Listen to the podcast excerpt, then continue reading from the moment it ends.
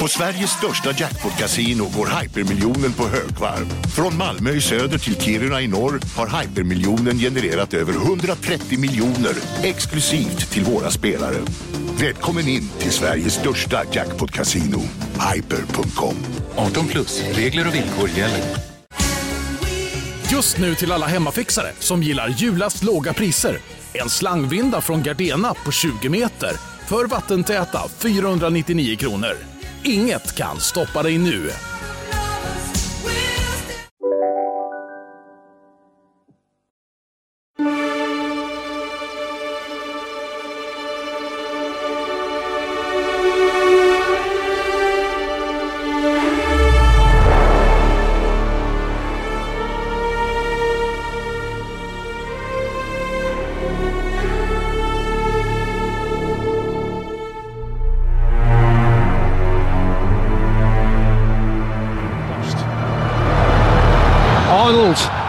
De Bruyne onside, half the field to himself. Kevin De Bruyne, 3 0 Wolfsburg. The champions are crumbling. He points to the skies and remembers his departed friend. Having scored a goal he will never forget. Here's Lukaku now.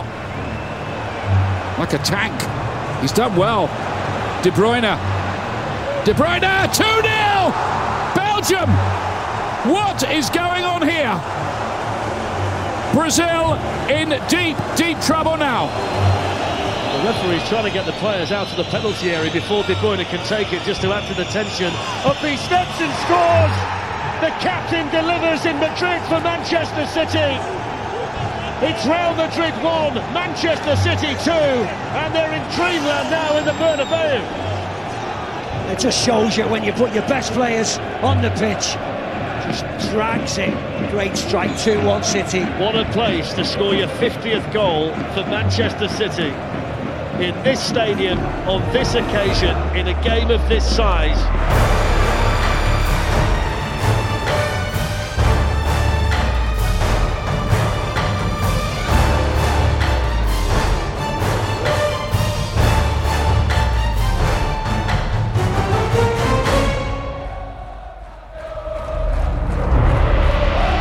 Vad krävs egentligen för att bli en bra fotbollsspelare?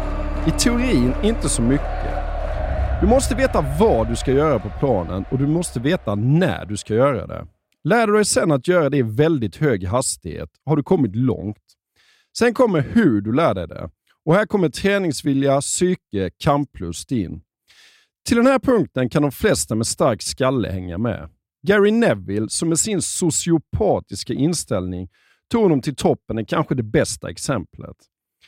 Efter det har du de konkreta gåvorna du fått med dig från födseln. Snabbhet, bollkänsla, ett fantastiskt tillslag och så vidare. Och till slut har vi det abstrakta, det som på något vis finns i sinnevärlden. Konsten att se vad som ska hända innan det händer. Att förstå saker ingen annan förstår. Det går knappt att lära sig och det är därför de som behärskar det sticker ut så mycket. Att vara ett spelgeni är nog det svåraste som finns på en fotbollsplan. Och idag ska vi prata om ett livslevande och aktuellt sådant. Men idag ska vi också beröra en annan dimension av det här med att bli fotbollsspelare. Eller för den delen, att vara människa. För fotbollssporten av idag har ju ett problem i att eh, bara de stora i slutändan kan vinna.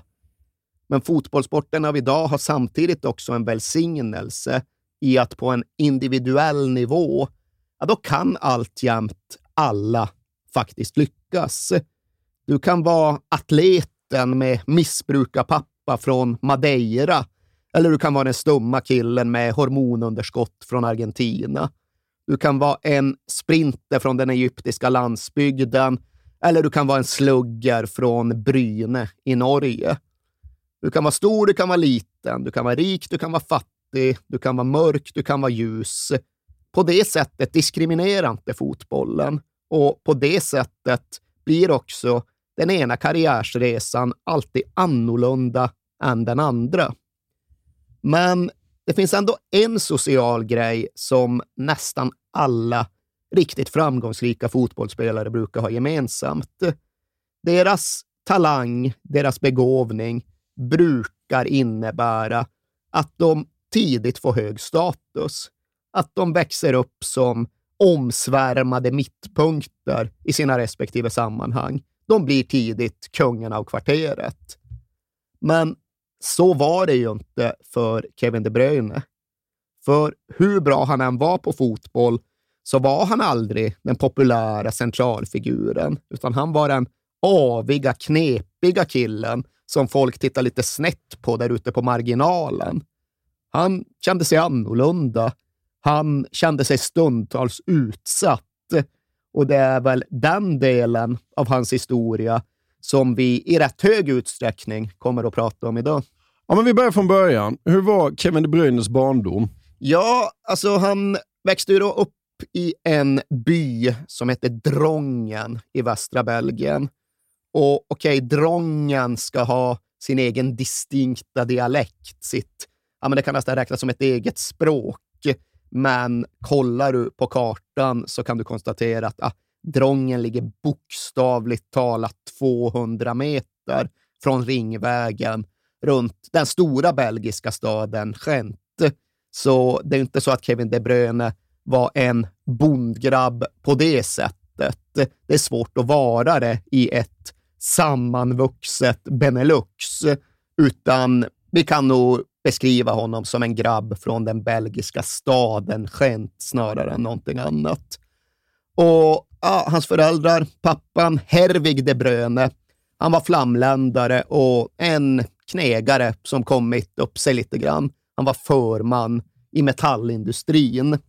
Men hans mamma kom med en liten annorlunda bakgrund, för hennes morfar jobbade inom oljeindustrin. Det tog familjen ut i världen och det innebar att Kevin De Bruynes mamma, Ann, faktiskt föddes i Burundi det där var en grej som ibland återkom när Bröjne själv blev bra på fotboll. Ska han representera Burundi på landslagsnivå? Du, jag blev väldigt besviken när jag gjorde research för att jag såg då, ja hon är född i Burundi och sen bodde hon liksom på Elfenbenskusten. Så tänkte jag så här, oh, wow, hon kanske var missionär eller något sånt där spännande. Så kollade jag bara, jaha, oljeindustri. Jag vet inte om missionär är så där väldigt mycket mer spännande. Ja, det är, smäller hög en olja kan ja, jag tycka. Jo, det är moraliskt ja, så är det väl enklare att plocka poäng. Men som du nämner, det var inte bara Burundi, det var även Elfenbenskusten. Men sen så rotade ju sig den familjen i Ealing, alltså i utkanten av London. Och det fick konsekvensen då att Kevin De Bruynes mamma ja, men i praktiken växte upp som britt. Hon hade engelska som modersmål. I familjen brukar de prata om hennes engelska mentalitet som i någon mån ska smitta av sig på lilla Kevin De Bruyne. För han hade en morbror kvar i Ealing och han var där mycket under uppväxten, brukade alltid fira jul i England och fastnade ju mer än något annat för den engelska fotbollen. Han var Liverpool-supporter till både tänderna och hårfästet när han var liten. Han älskade Michael Owen och han sov minsann i Liverpool-lakan och han hade det där pojkrummet som var helt draperat i Liverpools röda färger. Uh, utöver det vet jag väl sen inte om den här engelska delen av hans bakgrund spelade så där jättestor roll. Det som går att nämna det är ju att mamma De Bruyne då brukade få någon form av eh, värdfunktion när brittiska klubbar bjöds in till turneringar i Belgien. Och det där kunde innebära ett och annat. Det innebar till exempel att Kevin De Bruyne som lovande ung fotbollsspelare fick en veckas testträning i Arsenal. Lite för att han var bra och lite för att hans mamma hade hjälpt Arsenal när de var i Belgien.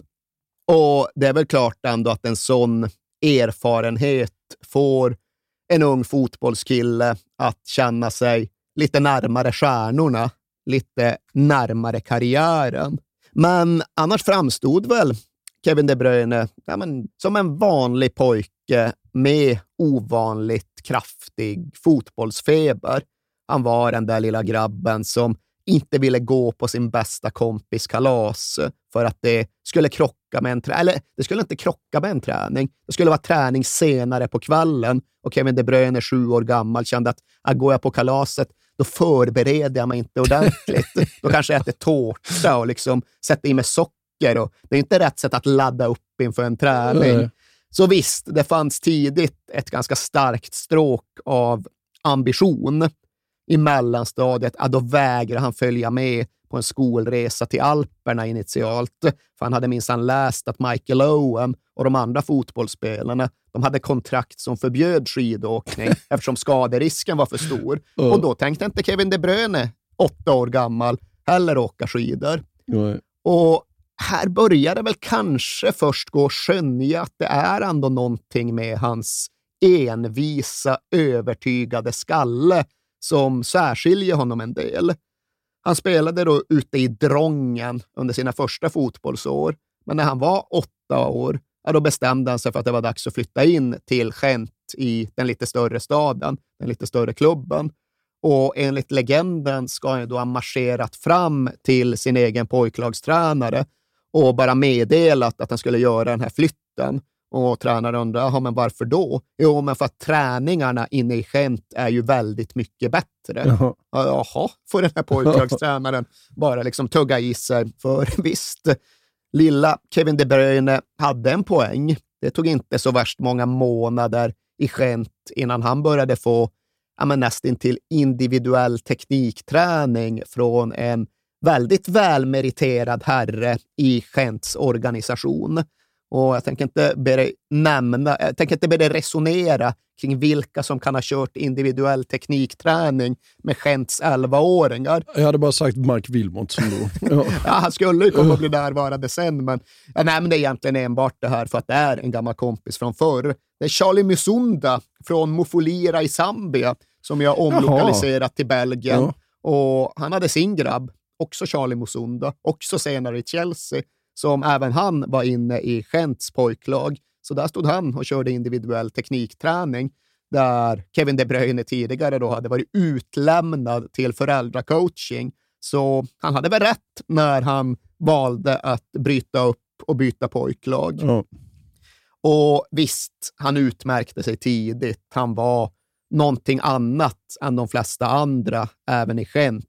Han fick liksom klubbarna som cirkulerade runt att hela tiden fråga hur det gick för De Vitte, alltså den vita, mer eller mindre albinokillen. Ja. Men trots detta så var det ju inte förmågan och talangen som verkligen fick folk att prata om Kevin under de här första åren, utan det var hans karaktär. Det var hans men, rätt svårtyglade, svårtämjda personlighet. För Kevin De Bruyne var udda. Han var egen. Han var oerhört envis.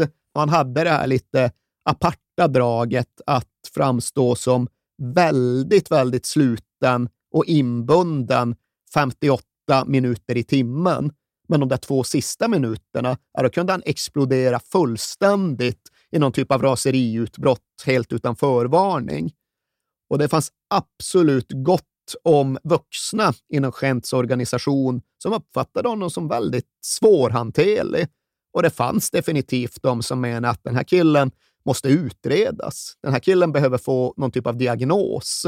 Och jag vet inte hur långt det här med bokstavsdiagnoser, ADHD och autism hade kommit. Nej, för det känns som autistiska drag nästan. Det finns ju de som ja. i efterhand har menat att ja, han borde nog kanske ha fått både en utredning och kanske någon form av hjälp i unga år, för det blev ändå jobbigt både för Kevin De Bruyne själv och för de som försökte ja, men guida honom framåt genom uppväxten. Och alla som var med under de här åren har sina historier och anekdoter att berätta. Och det är väl en som återkommer lite oftare än andra. Och det är någon av de här ungdomstränarna som berättar om ett träningsläger som Gents pojklag var på nere i Spanien. Och jag tror att Kevin De Bruyne var 12 eller 13 vid den här tiden. Och då hade han blivit tillsagd att eh, rensa upp planen efter ett träningspass, plocka in konerna, samla ihop bollarna. Och det låter väl kanske inte som världens värsta uppgift, men det fanns någonting redan här i Kevin De Bruyne som innebar att han kände sig klankad på. Han var väl själv medveten om att hans fotbollsförmåga var större än någon annan, men ändå var det honom som tränarna var på. Ifall han satt satte nio skott, då frågade de varför, de varför han inte satte det tionde också. Ifall han hade en väldigt tydlig idé kring hur träningarna borde genomföras och laget borde uppträda, ja, då ville inte tränarna lyssna, utan de ville istället kanske få in honom i ramen och follan. Och där någonstans uppstod väl konflikterna. Vuxna tyckte att ah, han var annorlunda, han lyssnade inte som andra, han följde inte direktiv som andra. Så därför kände de att de behövde försöka vara hårdare mot grabben för att få honom att lyssna, få honom att lyda. Men det gav ju ingen konstruktiv effekt. Det ledde ju ingenstans, utan det ledde bara till en situation på en träningsplan i Spanien där Kevin De Bruyne vägrade samla ihop alla koner. Varför skulle just han göra det? Varför var han återigen någon form av hackkyckling? Det var frågorna han ställde sig och det medförde att han ställde sig vid en målbur, klamrade sig fast vid stolpen, lät meddela att nej, han tänkte inte plocka upp några prylar. Han tänkte för den delen inte göra något annat heller. Han tänkte stå vid den där stolpen, ja, oklart hur länge, men tills rättvisan någonstans nådde fram till honom igen. Och där stod han. Och flytta sig tänkte han inte göra. Tillbaks till hotellet? Absolut inte. Plocka ihop några grejer? Ännu långt mycket mindre. Och det där höll ju på till slut. Men fan, du ska, det, det är några andra som ska in och träna. Du kan inte bara stå fastkedjad vid stolpen som någon annan almkramare. De vuxna börjar försöka bända bort även det Bruyne. Det går inte. Tre vuxna står liksom och drar och sliter i honom. Han står fastkedjad vid en målstolpe. Och till sist så är det då ja, en av de vuxna, han som brukar berätta den här historien, som ändå får men någon form av medlingsuppdrag. Han blir en gisslanförhandlare som får försöka sig på en annan typ av pedagogik för att nå fram till den här grabben som ingen annan tycktes vara kapabel att nå fram till. Och till sist så talade han ner honom från taket. Han lyckades ändå resonera med Kevin De Bruyne på ett sätt som innebar att han efter två timmar någonting ja. gick med på att lossa sitt grepp från den där målstolpen och långsamt troppa tillbaka till hotellet hand i hand med den här vuxna tränaren. Du, jag tänker vara lite djävulens advokat i det här avsnittet mm. också, för när jag läser om det, och, och det, det, är inte speciellt lätt för de här tränarna att ha, en sån här, att ha att göra med den här personen. Och Ja, vinnaren skriver historien idag är han en fantastisk fotbollsspelare, men där och då? Jo, alltså absolut. Det är klart att det är väldigt lätt att förstå svårigheten i situationen. För än en gång, utan att veta säkert, så tror jag kanske inte att den pedagogiska utvecklingen runt den här typen av problematik hade hunnit jättelångt i Belgien strax efter millennieskiftet. Jag tror att kunskapen är mycket större idag. Men med det sagt så är ju ändå inte det här några ideella föräldratränare, utan så vitt jag förstår så är det avlönade ungdomstränare i en ganska stor klubbs regi.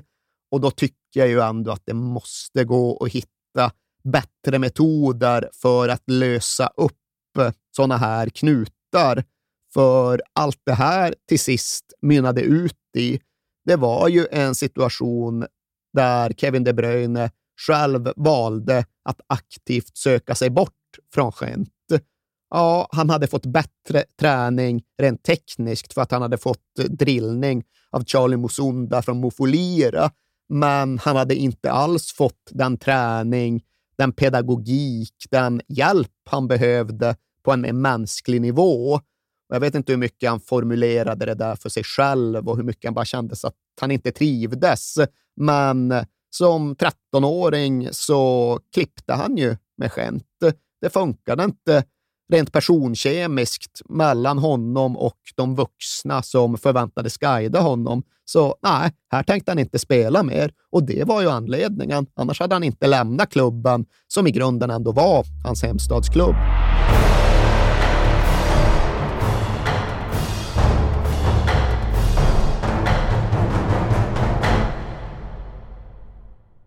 Jag vill inleda med att säga att det är garanterad jackpot på 13 miljoner på Stryktipset. Och fy fasen. Ja, visst.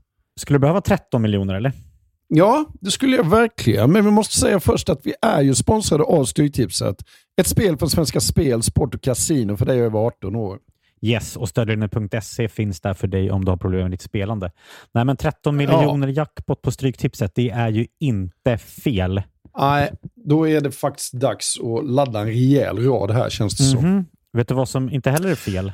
Nej. Födelsedagsfirandet och alla härliga mm. historier vi får in. Exakt, mm. för vi är ju mitt inne i Stryktipsets 90-årsfirande som vi firar med att läsa upp fantastiska historier från våra lyssnare yes. som skickar in dem till kings at perfectdaymedia.se. Precis, bomba på nu. Det är åtta månader kvar på det här firandet, så att, eh, vi kör nu. Mycket Stryktipshistorier vill vi ha mm. och i dagens har vi fått från Peter som skriver så här. Hej på er och tack för en helt otrolig podcast. Den har räddat mina veckor i snart fyra år. Tack så mycket Peter. Min historia är ganska färsk, men den om när det vände på stopptid gav kanske inte de största pengarna, men känslan i mig består. Jag spelar ofta för lite mindre pengar på Stryket, följer fotbollen men långt ifrån en nörd.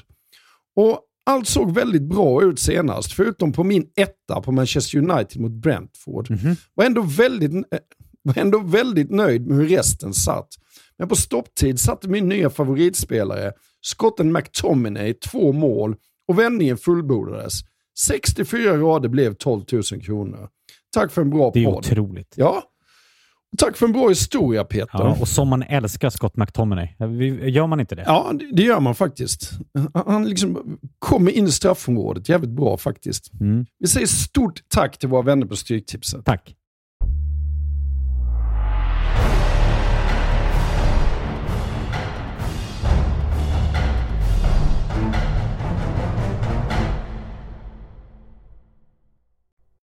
Till slut så bekostar väl Henk eh, kostnaden för att han ska få flytta in hos en eh, fosterfamilj istället? Va? Exakt. Det är det som händer när han är 15 och ett halvt någonting. Att eh, klubben Genk väljer att betala en fosterfamilj för att Kevin De Bruyne ska kunna bo där istället för på det här internatet.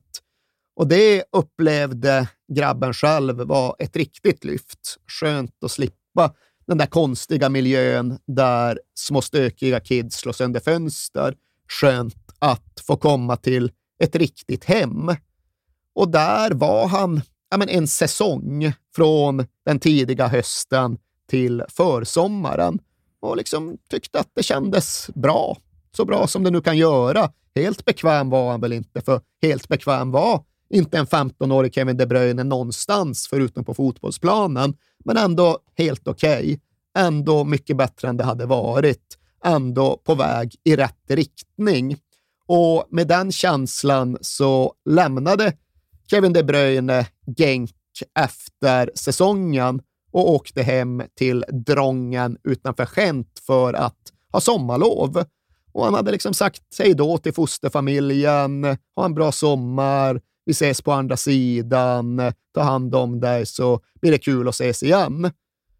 Och sen så åker han de där timmarna tillbaks till föräldrahemmet och så kommer han dit och så märker han på sina föräldrar att något är väldigt fel när han väl anländer. Bara, vad är det nu då? Ja, nej, du har inte fått höra det själv, utan det är vi som nu måste berätta för dig att vi vet inte hur det kommer bli med Genk framöver, för du har ingenstans att bo. Vadå, jag har ju min värdfamilj, min fosterfamilj. Jag ska ju bara tillbaka dit efter sommaren. Nej, det ska du inte. De har låtit meddela att de inte vill att du ska bo där mer. Va? Det, det sa de ingenting om. Va, va, vad då, då? Vad menar ni? Va, varför då? På grund av den du är. Ja. Det där var en formulering som verkligen stannade kvar i den unga Kevin De Bruyne. På grund av den du är.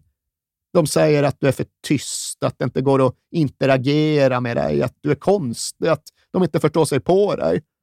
Och samtidigt som Kevin De Bruynes mamma då berättar allt det här för sin snart 16-åriga son, ja, då börjar hon gråta och det tar väl kanske mer än någonting annat på grabben själv, för han är inte den där typen som gråter. Han är den där typen som stänger inne saker inne i sig själv. Så det enda han gör är att han tar en fotboll och så går han hemifrån och så går han till den där väggen där han alltid brukade stå och kicka när han var riktigt liten. Och så stod han där ensam med sin boll och sina tankar i timme efter timme. Men på något sätt så lyckades han tydligen redan där hitta någon form av framåtriktning i det sorgliga. Han lyckades bli förbannad snarare än ledsen och han bestämde sig, enligt egen utsago, där och då för att äh, nu skulle han visa de jävlarna. Det ekade i hans huvud. Det är på grund av den du är som du inte kan bo där. Det är på grund av den du är som de inte vill ha dig. Det är på grund av den du är som hela din framtid som fotbollsspelare i Genk nu hänger i luften. Men ni ska fan få se vem jag är. Och med den inställningen och attityden så åkte han sen tillbaka till Genk när sommaren var slut. Och han fick lov att återvända till det där gudsförgätna jävla internatet och det där rummet som var så trångt att det inte... Att det inte gick att svinga en katt det. Exakt. Kolla att du är med. Och eh, det reservlag som han precis nu hade blivit uppflyttad till. Och han hade ju då klarat av att konservera den där ja, men framåtriktade vreden över hela sommaren. Och han berättar själv att ja, han tränade på ett helt annat sätt efter den här upplevelsen. Jag hade sån eld inom mig att det var helt galet, säger Kevin De Bruyne många år senare. Och den där elden, han lyckades tygla den, men han lyckades också få den att sätta sin egen fotboll i lågor. För in i säsongen hade många varit osäkra på hur han egentligen skulle hantera klivet upp i reservlaget. Han fick lov att börja på bänken när säsongen drog igång, men så fick han hoppa in i paus i en match och han kan fortfarande beskriva den väldigt detaljerat. Det var liksom en fredagskväll den här matchen gick och när han väl fick sitt inhopp, då gick han bokstavligt talat inte att stoppa.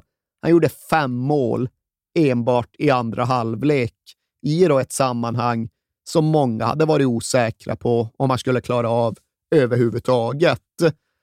Och från den dagen, från den matchen, då såg hans situation i klubben Genk annorlunda ut. För det var ju också någonting som hade tagit så jäkla hårt på honom. Att när han hade börjat titta på vad som egentligen hade hänt och vart han skulle ta vägen från den här punkten, då upplevde han inte att han fick något stöd från folket i klubben. Han upplevde att de istället tog den här fosterfamiljens parti. Att de liksom tyckte att det var klart att han inte kunde bo där, för han var ju så jävla knepig och så jävla konstig. Och Det innebar att han väl antingen fick lov att flytta tillbaka till det där internatet, eller så fick hans familj lov att hitta en annan lösning och bekosta en annan lösning. Men när han nu då plötsligt var grabben som spelade ja, men på en helt ny nivå. Grabben som gjorde fem mål på en enda halvlek i en reservlagsmatch. ja, då var det andra tongångar och andra möjligheter. Det är klart att Genk skulle lösa det här, för nu skulle Kevin De Bruyne plötsligt flyttas upp i A-truppen och givetvis skulle en A-lagsspelare ha någonstans att bo som funkade. Så vad var han ute efter? Var det en egen lägenhet eller var det en ny värdfamilj? Här fanns inga problem. Här gick allt att eh, fixa och styra upp. Här fanns till och med möjligheten att flytta tillbaks till den första värdfamiljen, för ja, de hade ju tänkt över vad som egentligen hade hänt och de var nu beredda att eh, stryka ett streck över allt och börja om på noll. Men se, det var inte Kevin De Bruyne. Han tänkte inte stryka några streck och han tänkte inte börja om någonstans. För om det var något han var, om det var något han är, så var det just envis, orubblig, principfast och fyrkantig. Så när mamman från den där första fosterfamiljen kom till träningsanläggningen för att prata med pojken så var han ju brutalt trubbig gentemot henne. Jaha, nu kommer du. Nu när det går bra. Nu när jag ska spela i A-laget. Nej, nej, så funkar det inte. Ni vill inte ha mig. Jag vill inte ha er.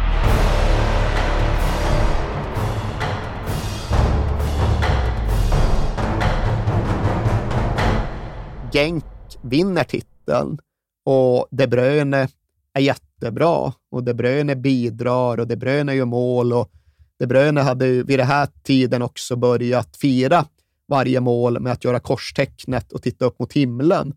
Och det gjorde han inte för att han var religiös. Han har liksom ingen katolsk tro som ger honom anledning att göra det korstecknet, utan det var något han ja, fick för sig att han skulle göra bara för att han ville hedra sin mormor nu när han inte hade orkat bära hennes kista.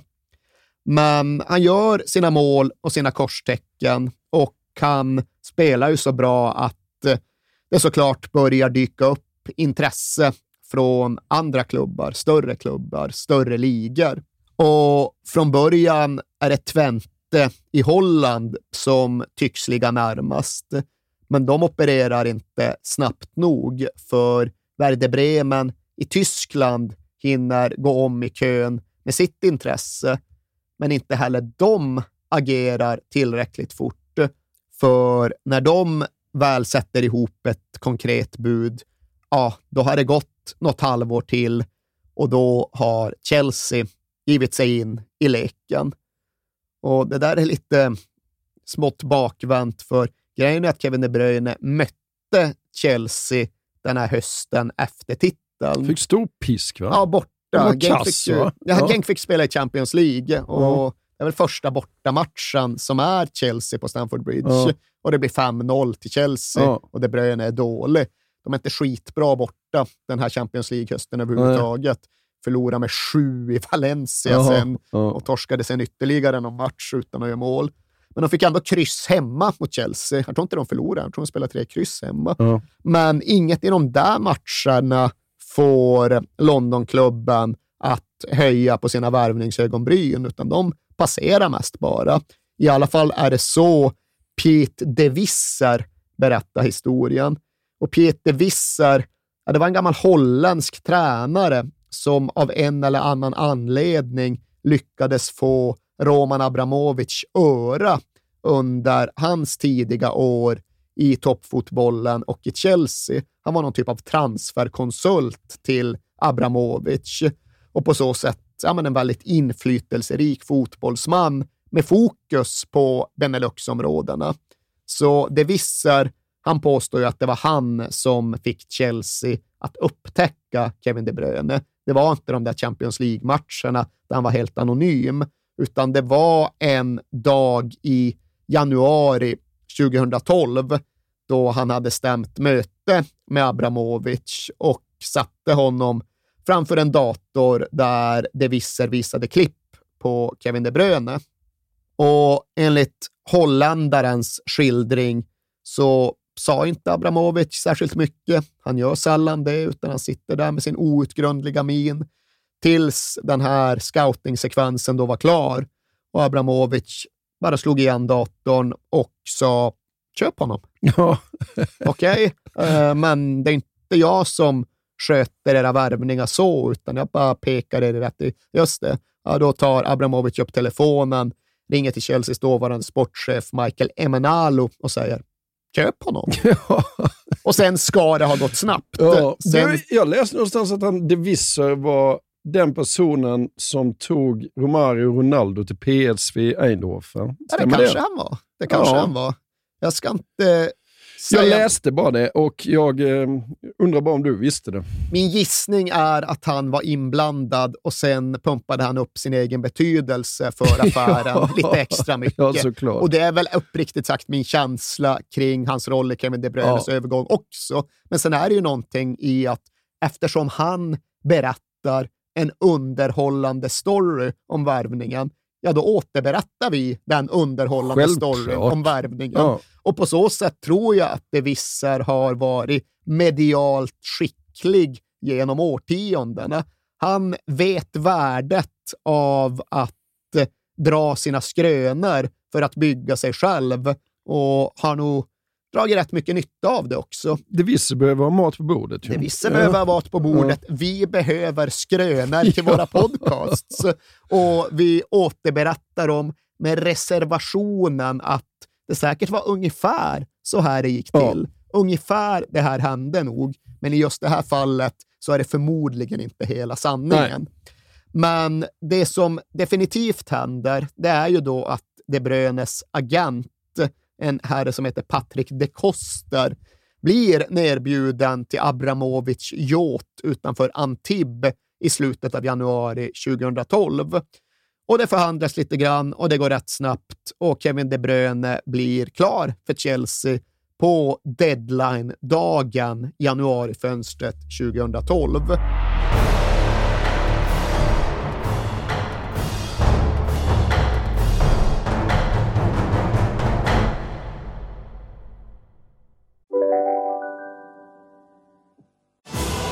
Välkomna tillbaka till Sibylla där sportbörjaren nu laddar för mål. Otroligt taggad och toppat formen med stekt lök och dubbel cheddarost. Det här blir en riktigt god match!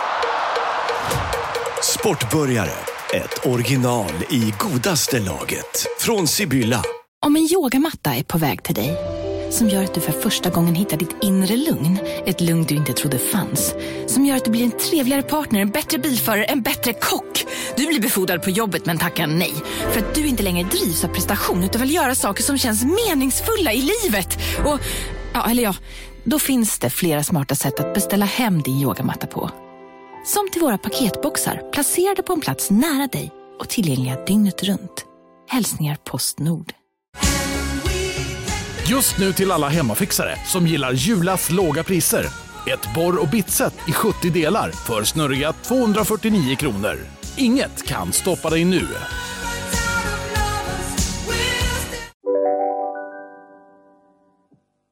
Nu är det dags att komma tillbaka till Chelsea och till en ny tränare va? som du har höga tankar om. Ja, vi behöver inte gå in och utvärdera José Mourinho, men det är korrekt att han då hade återvänt till Chelsea och skulle börja bygga sin andra version av laget. Och till en början så var inte De Bruyne så där jättesugen på att återvända, för det hade ju gått bra i Tyskland. Det hade varit kul att spela i Bremen och fotbollen hade passat honom. Skulle han nu tillbaka till osäkerheten runt Chelsea och Premier League? Han var inte så säker.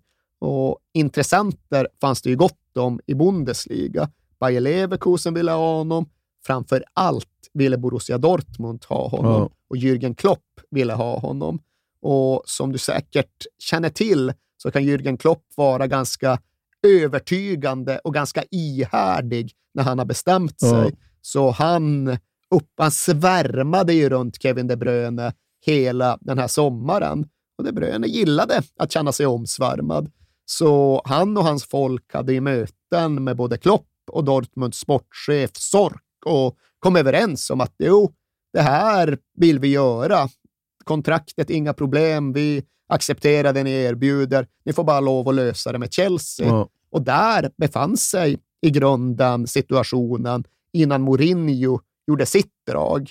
Och han var väl inte lika enveten och energisk som Klopp, men han skickade rätt och slätt ett sms till De Bruyne där det bara stod att du stannar, för jag vill att du ska vara en del av det här laget.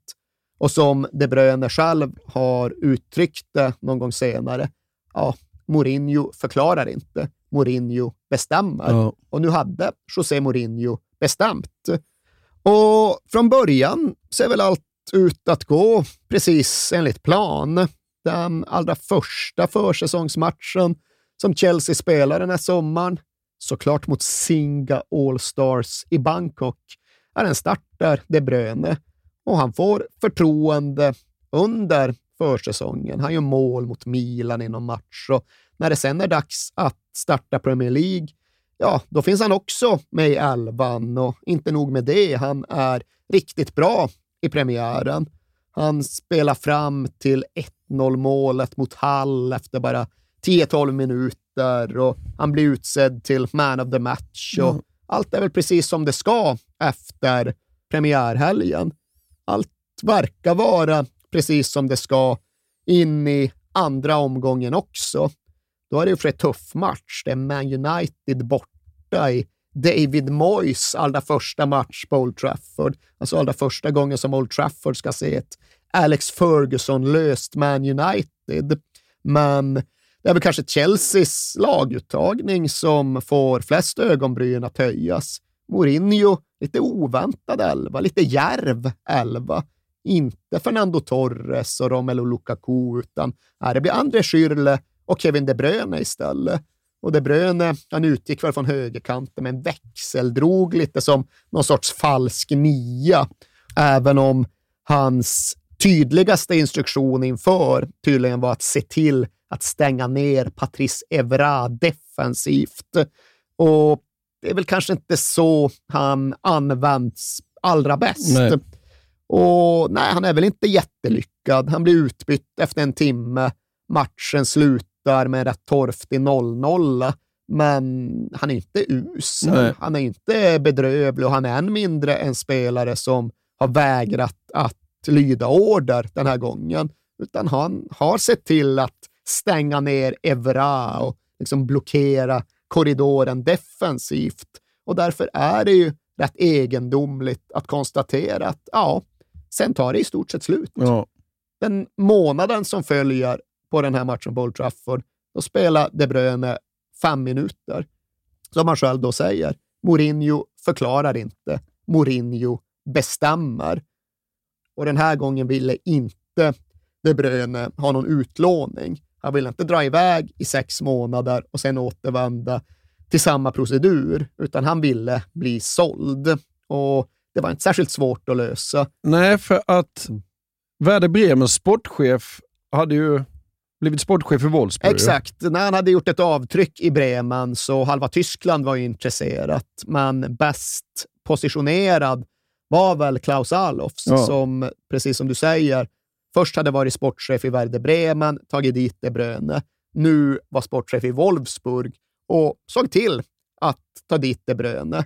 Wolfsburg befann sig i en situation där de ville ersätta den brasilianske playmakern Diego i When We Were Kings, hittills mest känd som bonusspelare i Cholo Simeones Atletico Madrid. Eh, men de ville ersätta honom med någon som, ja, enligt Klaus Allofs, ökade lagets tempo snarare än sänkte det. Diego, han ville ha bollen på foten, han ville titta upp, han ville driva den själv. Det ville inte Wolfsburg, utan de ville ha en spelare som kunde snabbt dra bollen vidare på få tillslag. Och därför Kevin De Bruyne. Arnold De Bruyne, onside, half the field to himself. Kevin De Bruyne, 3-0 Wolfsburg. The champions are crumbling.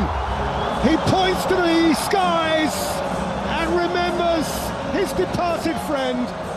Having scored a goal he will never forget. Ja, det spelar han typ alla minuter hela säsongen för Wolfsburg och han slår ju en massa rekord.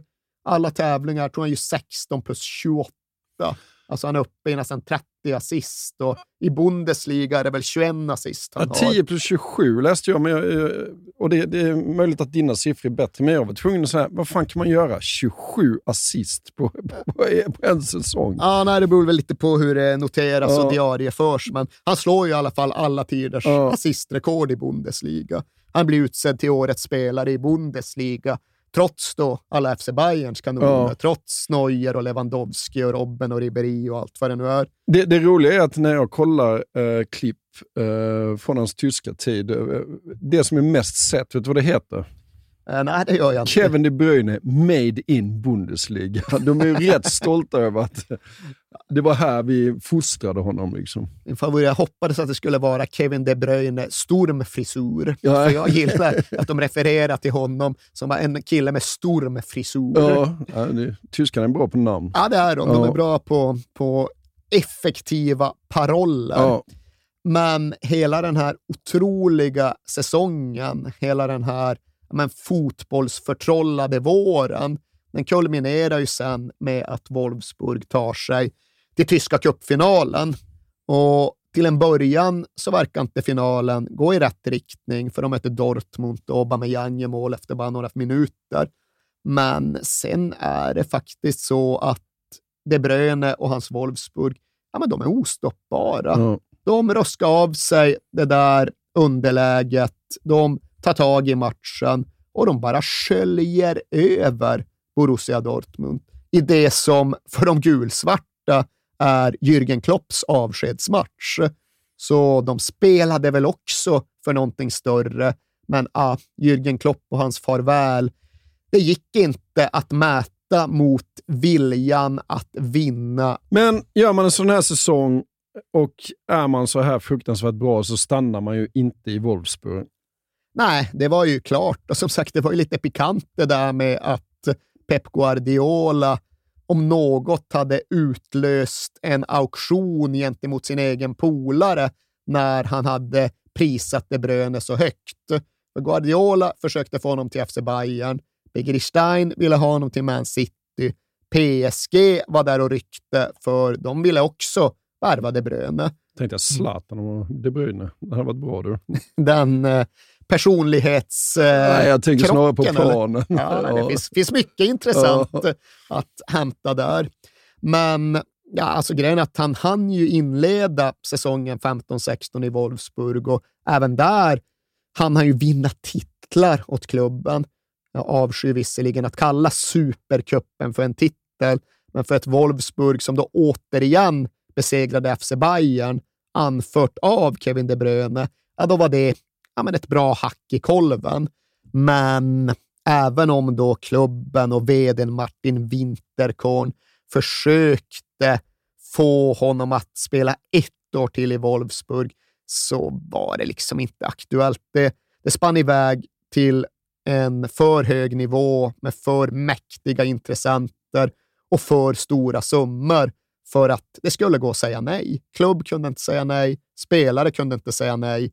Det, liksom, det var över tre kvarts miljard som det pratades om. Det var så 800 miljoner kronor helt plötsligt och det skulle innebära den dyraste försäljningen i Bundesligas historia. Eh, jag läste någonstans att det var den näst dyraste transfer någonsin. Har du Ja, läst det, det- också eller? Det måste Nej, vara Ronaldo som är dyrare då. Jag tror det var den näst dyraste Premier League-värvningen Ah, någonsin. Så okej. du kanske läste det i någon engelsk avis Ja, där min- enbart brittisk fotboll existerar. Jag läste i den här ungdomsboken om, om De Bruyne. Ja, där köpte du in dig på. Ja. Varenda mål De Bruyne gör i den så är det med 30 O, och L. Rätt irriterande. Jag brukar ju försöka läsa det som finns att läsa, men just den där 13-årsboken om Ja, De Bruyne lämnade det tog i sig bara en och en halv timme att läsa. Ja. Sen är det i och för sig också en fas av livet där det blir tydligt att Kevin De Bruyne själv inte är 13 år gammal längre. Han håller ju ändå på att bli en vuxen man, för hans nya partner Michelle har då blivit gravid precis just här. Och det där får ja, men De Bruyne att känna sig stressad. Det är någonting. Han kan känna sig orättvist behandlad. Han kan känna sig orolig. Han kan känna sig bortstött men stressad, det är tydligen inte en känsla han är van vid att uppleva. Men det var han de här veckorna. För han visste inte hur ska det bli. Ska jag till England? Ska jag till Paris? Ska jag vara kvar i Tyskland? Och Vincent Kompani som han kände från landslaget höll på att peppra honom med sms. Och Guardiola höll på att peppra honom med sms. Och graviditeterna, oj, det kom plötsligt. Hur ska det gå? Och så ska det då ha blivit komplikationer på ett sätt som innebar att de trodde att de höll på att förlora barnet. Och det utspelade sig precis samtidigt som allt det andra. Så in på sjukhuset, oro för det, som såklart är mycket mer allvarligt, men som samtidigt inte riktigt kan uppta hela De Bruynes huvud, för han sitter där på sjukhuset och det är kritiskt i ena salen och sen är det sms från kompani på högertummen. Och Ja, sen gick det bra med barnet, skönt. Och sen jäklar är det nytt bud från PSG i agentluren. Och det där var någonting som han då tydligen tyckte var svettigt på riktigt. Men när väl krutröken skingrades och när det blev tydligt att Manchester City var de som var beredda att betala allra mest, då hävdade han att ja, men det var ju alltid det som var mitt ja. första val. Ingen aning ifall det var så eller inte, men det var i alla fall där han hamnade. Men Erik, du vet när du har lyckats som fotbollsspelare om eh, din telefon peppras av Pep Guardiola, då, då, då har du varit ganska bra. Ja, samtidigt jag tror att Pep Guardiola är en pepprare. Ja. Jag tror att han kan ta den mest marginaliserade spelaren i sin trupp och peppra denna ja. med liksom kommenderande instruktioner kring hur han ska föra sig ifall det egna laget bygger spel från den bakre änden av mittcirkeln. kan det komma åtta sms om vilken motrörelse Fabian Delf behöver göra i det läget. Ja. Men han är klar för City, han går till City och detta är City under, vad heter han? Pellegrini. Pellegrini, ja. Sheikh Mansour went ja. to Spain in a Lamborghini. Brought us back a manager, Manuel Pellegrini. och det var ju inte Pep Guardiolas Manchester City. Det var ju ett väldigt bra Manchester City, ett väldigt konkurrenskraftigt Manchester City. Men det var ju inte det här färdigbyggda, självspelande pianot, utan det var ett lag som Kevin De Bruyne behövde hitta in i. Och det var ett lag som faktiskt hackade rätt rejält under hans första säsong i England. För visst, De Bruyne, han kommer in och gör mål i första hemmamatchen. Men den matchen slutar med förlust hemma mot West Ham. Och aha, då åker Kevin De Bruyne till nästa match och gör mål igen. Men den slutar med 4-1 förlust borta mot the mighty Tottenham Hotspur. Och det där var väl lite signifikativt för just en ryckig säsong som inte riktigt tog vägen någonstans. Och de Bruyne skulle in i det nya och tog ju inte för sig jättemycket i omklädningsrummet, kunde hänga en del med kompani, men hängde tydligen mest med materialarna. Det tyckte han var soft. Jaha. Han eh, trivdes där och ja, det ska tydligen alltjämt vara mer eller mindre hans närmaste bundsförvanter i omklädningsrummet. Han vill hänga med materialarna, har någon ritual där han alltid joggar med huvudmatrisen Brandon Ashton, både före träning och före match. Så vitt jag förstår så gör han det än idag. Ja. Men även om hans egen plats i laget var given och även om han presterade så spolierades mycket då Kevin De Bruyne ådrog sig en knäskada i januari. Det är borta nästan tre månader och Pellegrini har i efterhand sagt att den skadan, ah, den dödade vår säsong. Ja. Det var ordet han använde. Och visserligen blev De Bruyne pappa under den här skadefrånvaron, kanske var bra för honom att han inte kunde spela någon fotboll ja. då, utan faktiskt fokusera lite grann på familjelivet. Och när han väl kom tillbaks så gjorde han avtryck, för ligan, äh, det blev inget vidare det här första året.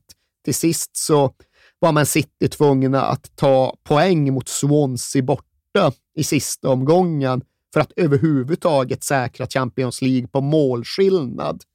Men det de uträttade ja, det gjorde de i Champions League. Och det var med tanke på den turneringen som de ändå rushade De Bruyne tillbaks i spel.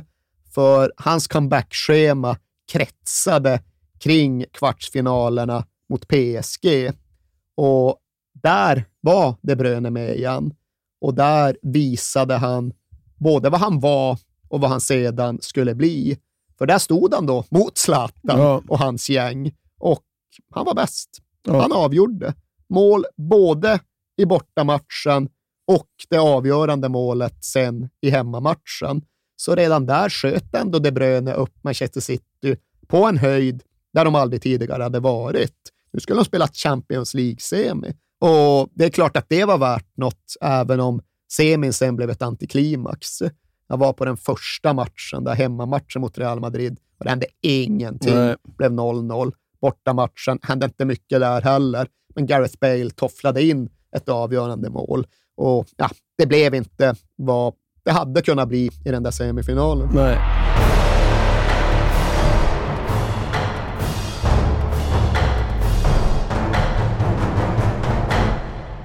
Men sen tar Pep Guardiola över City och sen började det hända lite grejer va? Ja, det kan man säga. Eh, och det är ju kärlek från, om inte första ögonkastet, så i alla fall från första konversationen. För även detta har ju dokumenterats med både detalj och öppenhet, så vi tror ju oss veta exakt vad som hände och vad som sades. Pep Guardiola tar in Kevin De Bruyne på kontoret, stirrar honom i ögonen på det där intensiva Guardiola-sättet. Så jag bara, Kevin, listen. Du kan lätt bli en av världens fem bästa spelare. Ja. Lätt! Och De Bruyne, han hävdade ju, ja, men chockad. Han Ja. chockad. Men eftersom att han sa det med så jävla övertygelse så förändrade det hela min mentalitet. Och det är intressant när de Bruyne pratar om det, beskriver det. För han hävdar ju med rätta att det här är en indikation på vad som är Guardiolas storhet och genialitet. Genialitet är ordet som De Bruyne själv använder, för han menar att det finns något så psykologiskt intressant i det där omvända sättet att prata på som Guardiola använde sig av. Likt många andra fotbollsspelare så har De Bruyne ofta fått bränsle ur den här känslan av att han ska bevisa saker. Ja. Han ska minsann tysta tvivlarna. Han ska få de som valde bort honom att inse att de gjorde fel.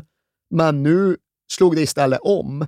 Nu började han sträva utifrån en vilja att bevisa att Guardiola hade rätt. Ja. Han skulle inte bevisa att någon hade fel, han skulle bevisa att Guardiola hade rätt när han pratade om honom som potentiellt en av världens lätt fem bästa spelare. Och den där sikta mot stjärnorna-mentaliteten är den smittade av sig på Kevin De Bruyne. Sträva efter perfektion-tänket var något han tog med sig. Och han var själv jättebra redan första året under Guardiola. Gjorde sig 20 assist i ligan Ja. den säsongen också. Men Peps grejer satt ju inte riktigt. Det är väl så att det tar ett tag för honom att få tankesättet, metodiken, spelstrukturen på plats. Så första säsongen i Man City, ja, det är ju en blandar och ger-säsong. De är stundtals sensationella, men stundtals även sårbara. Och trea, bekväm Champions League-plats, men långt ifrån någon titel. Jag tror de är Ja. 15 poäng från titeln. Ja, de vinner inget under Peps första säsong, men det gör de verkligen nästa va? 2017, 2018, då spricker fördämningarna och då sprängs alla vallar. Då klickar Pep Guardiola maskinen och då är Kevin De Bruyne ett självklart fundament för att få den att fungera. Och på samma sätt som det är väldigt enkelt att peka på hela året som en nyckelsäsong, så är det också väldigt lätt att eh, sätta fingret på det som var nyckelmatchen. Och nu är vi framme i slutet av september 2017 och Manchester City ska möta Chelsea borta. De ska alltså åka ner till Stamford Bridge och möta de regerande mästarna. De ska återigen spela på arenan där de hade fallit den föregående säsongen. Och här är det ju inte bara frågan om en match som de vinner, utan det är frågan om en match där de ja, men egentligen för första gången under Pep Guardiola verkligen dikterar och dominerar totalt genom det egna bollinnehavet mot en riktigt tuff motståndare på bortaplan. De har så här 65 procents bollinnehav, 17-18 avslut och även om det blir en tight match så är det en ganska ensidig match. Frågan är bara om Manchester City ska hitta det där genombrottet, det där avgörande målet. Och det gör de ju till sist när Kevin De Bruyne kommer med fart, väggar sig fram och dunkar dit ett vänsterskott i burgaveln från 20 meter. Och det finns mycket som är symboliskt med det här målet. Inte minst då att Kevin De Bruyne gör det mot klubben som inte ville ha honom och förbi målvakten som ja, tog hans flickvän. Oh. Suppose it is their weekly conundrum to work, work out teams who set themselves in a shape. De Bruyne. Oh, belter! Absolute belter from Kevin De Bruyne. Och de rusar ju genom ligan. De vinner på över 100 poäng. Det är det är det där jäkla Champions då, de inte är lika framgångsrika i. Men säsongen som helhet är ju en stor framgång. Ja, herrejösses. Det går absolut än idag att argumentera för att det här är den högsta höjd som Pep Guardiolas Manchester City någonsin har spelat på. För absolut, stabiliteten kanske har varit ytterligare lite större i år, 2020-2021, när de har nått Champions League-finalen. Men mer ostoppbara än 2017-2018. Det vette tusan om de någonsin blev. De vinner, som du säger, ligan. De spränger 100-poängsvallen och det är klart att det finns något snyggt där också i att hela säsongen avslutas med ett vinstmål i den allra sista minuten där Kevin De Bruyne ja, men skakar loss en öppnande passning från egen planhalva som Gabriel Jesus bara kan springa loss på och lobba in i nät. Det var kröningen på en otrolig säsong, både kollektivt och individuellt. Och Kevin De Bruyne, han spelade ju flest matcher av alla i Manchester City. Han var bäst av alla i Manchester City. Och frågar du Pep Guardiola så blir han ju fortfarande indignerad av att han inte blev utsedd till ligans bästa spelare. Ja. Jag vet inte om han blev playmaker of the year. Det ja, men det blev... var nog det här året han blev playmaker of the year. För, ja, för, men det var väl Salah som blev... Eh, det blev Salah. Ja. Liksom, Salah var rätt bra han också, ja. men i Pep Guardiolas ögon var det en grov orättvisa. För ja, vadå, det där med att stirra på siffror, göra många mål, det går ju inte att jämföra med helheten som Kevin De Bruyne spelar med. Sätt sättet som han får hela Manchester City att eh, ticka på och sedan växla tempo. Nej, det där var inte okej, okay, ifall du frågar Pep. Nej. Och då, Erik, är vi framme i realtid? Ja, vi är framme vid punkten då väldigt mycket redan har hunnit hända och väldigt mycket redan har uträttats, men där känslan såklart ändå är att det allra bästa och det allra viktigaste återstår. För med Kevin De Bruyne som motor så ska ju nu Manchester City vinna Champions League. Det är hela projektets utgångspunkt. Och inte nog med det. När de individuella priserna sedan ska fördelas någonstans på andra sidan av ett fotbolls-EM, ja då är ju tanken att det belgiska landslaget ska ha tagit ytterligare något kliv att Kevin De Bruyne därmed faktiskt är i position att vinna Ballon d'Or, att ses som världens allra bästa fotbollsspelare. Och det är ju ett erkännande han uppriktigt sagt inte ens har varit i närheten av så här långt, som han har varit lite väl långt ifrån. För vet du vad som är hans liksom, bästa placering någonsin i Ballon d'Or-omröstningen? Femma? Nia. Nia?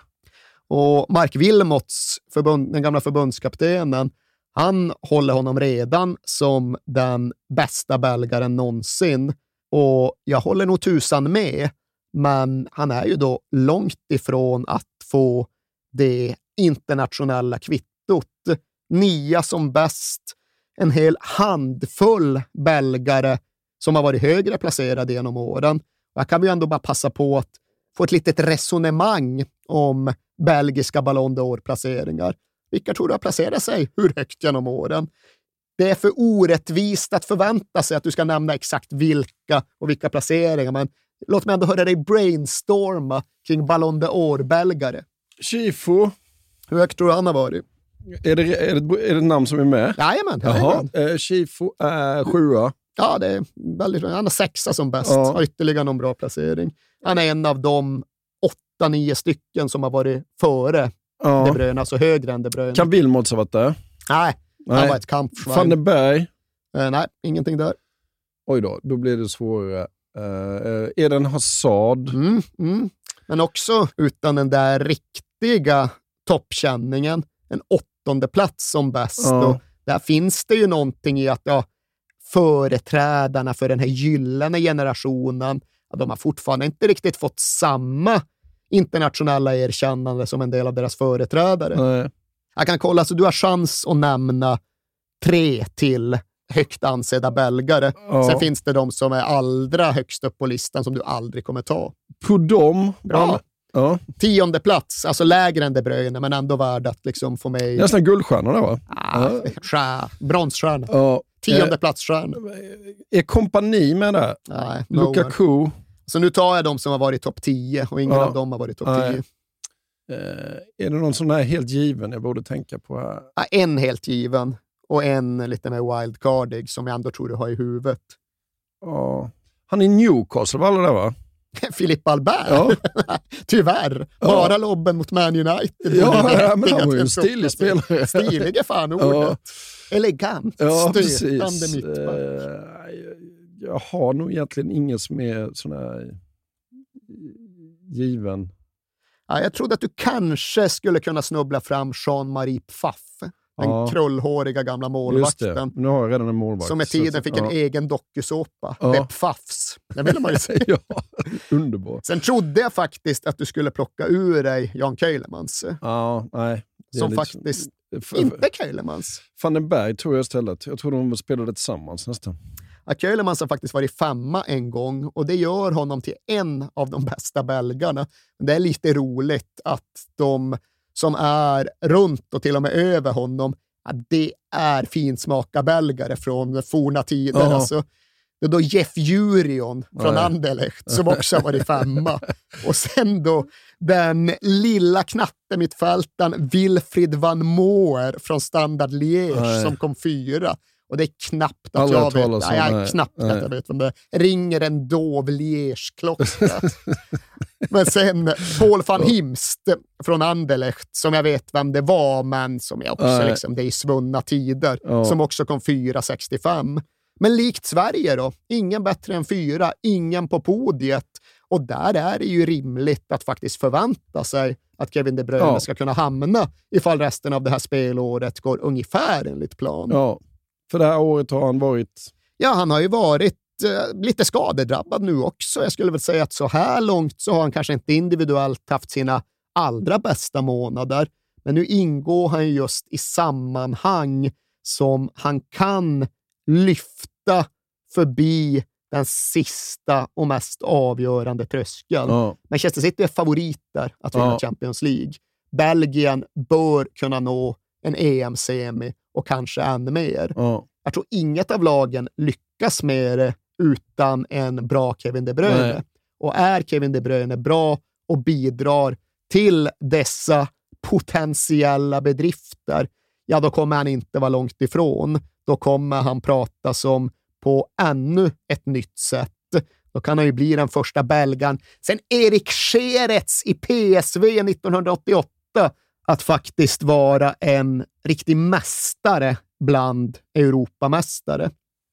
Men om det inte blir i år så kanske det blir nästa år? Ja, det är ju fullt möjligt. För det som har skett nu alldeles nyligen, det är ju att Kevin De Bruyne har förlängt sitt kontrakt med Manchester City i ytterligare fyra år var det Ja, väl. det.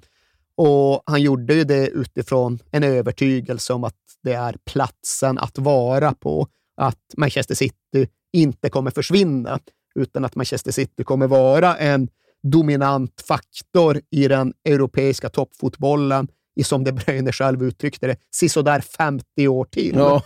Och det är väl förmodligen en korrekt bedömning. Det är också värt att notera att De Bruyne i och med den här kontraktsförlängningen blev Premier Leagues allra bäst betalda spelare. Dra in sig sådär 20 miljoner kronor i månaden, en kvarts miljard om året Ja. i bara lön. Ja. Och det kan man ju tycka en jävla massa saker om, men vet du vad som var det allra mest notabla med den här förlängningen? Nej. var att Kevin De Bruyne företrädde sig själv. Jaha. Han hade ingen agent, ingen representant på det sättet, utan han pratade, han förde sin egen talan och bollade lite med sin farsa. För hans gamla agent, den här De Koster, som vi Ja. senast hörde talas om på en yacht utanför Antibes, han blev indragen i den här stora belgiska agentkorruptionshärvan och det var pengatvättsanklagelser och bedrägeriutredningar. Och I samband med det så kunde inte De Bruyne fortsätta jobba med honom och bestämde sig rätt och slätt för att nej, han behövde ingen annan hjälp. Nej, men är du på den nivån? Jag tror Niklas Lidström, när han förlängde med Detroit på slutet, så gjorde, gjorde han det utan agent också. För att det var bara att gå upp och sätta sig hos ägaren och säga tjena. Och sen, ja. Jag vill ha det här. Ja, du är så bra och vi vill ha dig. Ja. Ja, det kan finnas en sån dimension, absolut, men det kan ju också finnas den här verkligheten där Cristiano Ronaldo eller Leo Messi skriver avtal som är så omfattande och så komplicerade och så skattemässigt gynnsamma att det fan krävs ett helt finansdepartement för att börja liksom bryta upp de paragraferna. Och den vägen tycks inte Kevin De Bruyne ha velat gå. Vilket hedrar honom väldigt mycket. Vilket hedrar honom, vilket någonstans lever upp till hans egen boktitel, hans egen livsfilosofi. För han döpte ju den där tidigt publicerade självbiografin till Keep it simple på engelska. Och Keep it simple, ja, det ska då vara meningen som han någonstans använder som rättesnöre genom både fotbollen och livet. Och på sitt sätt tror jag det här blev ett rätt bra avtal för Manchester City också, hur skyhög nu grundlönen än är. För ja, det försvann inte iväg 270 miljoner kronor i agentarvoden den här Nej. gången. Och det är också pengar. Det är också värt någonting. Ja. Men när vi nu är framme vid den här punkten där Kevin De Bruyne kanske ska ta klivet till att bli världens allra bästa fotbollsspelare, då är det ju sannerligen värt att även poängtera att han tycks ha blivit en till sist ganska vuxen och välfungerande människa. Han har blivit en person som är så trygg i sig själv och tänker så högt om sig själv att han kan gå in i ett rum och föra sin egen talan gentemot Manchester Citys shejker och komma därifrån som Englands bäst betalda fotbollsspelare. Och det är inte pengarna som är grejen här. Det är liksom inte fantasisummorna som ska viktas fram och tillbaka, utan det är ju utplaningen av en karaktär och landningen av en livsresa. Och gillar ni inte riktigt det ekonomiska exemplet, ja, men då har jag fler. För det är inte så att Kevin De Bruyne för sin egen talan och fattar sina egna beslut enbart när det gäller kvartsmiljarder gentemot Man City-shejker, utan han agerar utifrån sitt eget huvud även i andra situationer. Det var här för något år sedan som han var på semester i fotbollsspelarorten Saint-Tropez och skulle gå på ett fotbollsspelarställe på Nicky Beach. Men när han väl kom dit med sina kompisar och slog sig ner på något vippbås i VIP-avdelningen av VIP-avdelningen så insåg han att alltså, på den här prislistan så står det att den Coca-Cola som jag vill ha att dricka kostar 26 euro. Ja. Jag tänker inte pröjsa 26 euro för en Coca-Cola. Och det har ju väldigt lite att göra med om Kevin De Bruyne har råd eller inte. Nej. Det är bara för att han utgår från en verklighet som inte fungerar på det sättet. Så han reste sig och han gick och han köpte en Coca-Cola någon annanstans. Och det är för mig också en gynnsam sammanfattning av Kevin De Bruyne. För, för honom har det alltid funnits saker som har varit viktigare än att vara den coola killen på den heta klubben. Det finns fotboll och det finns familj och det finns principer.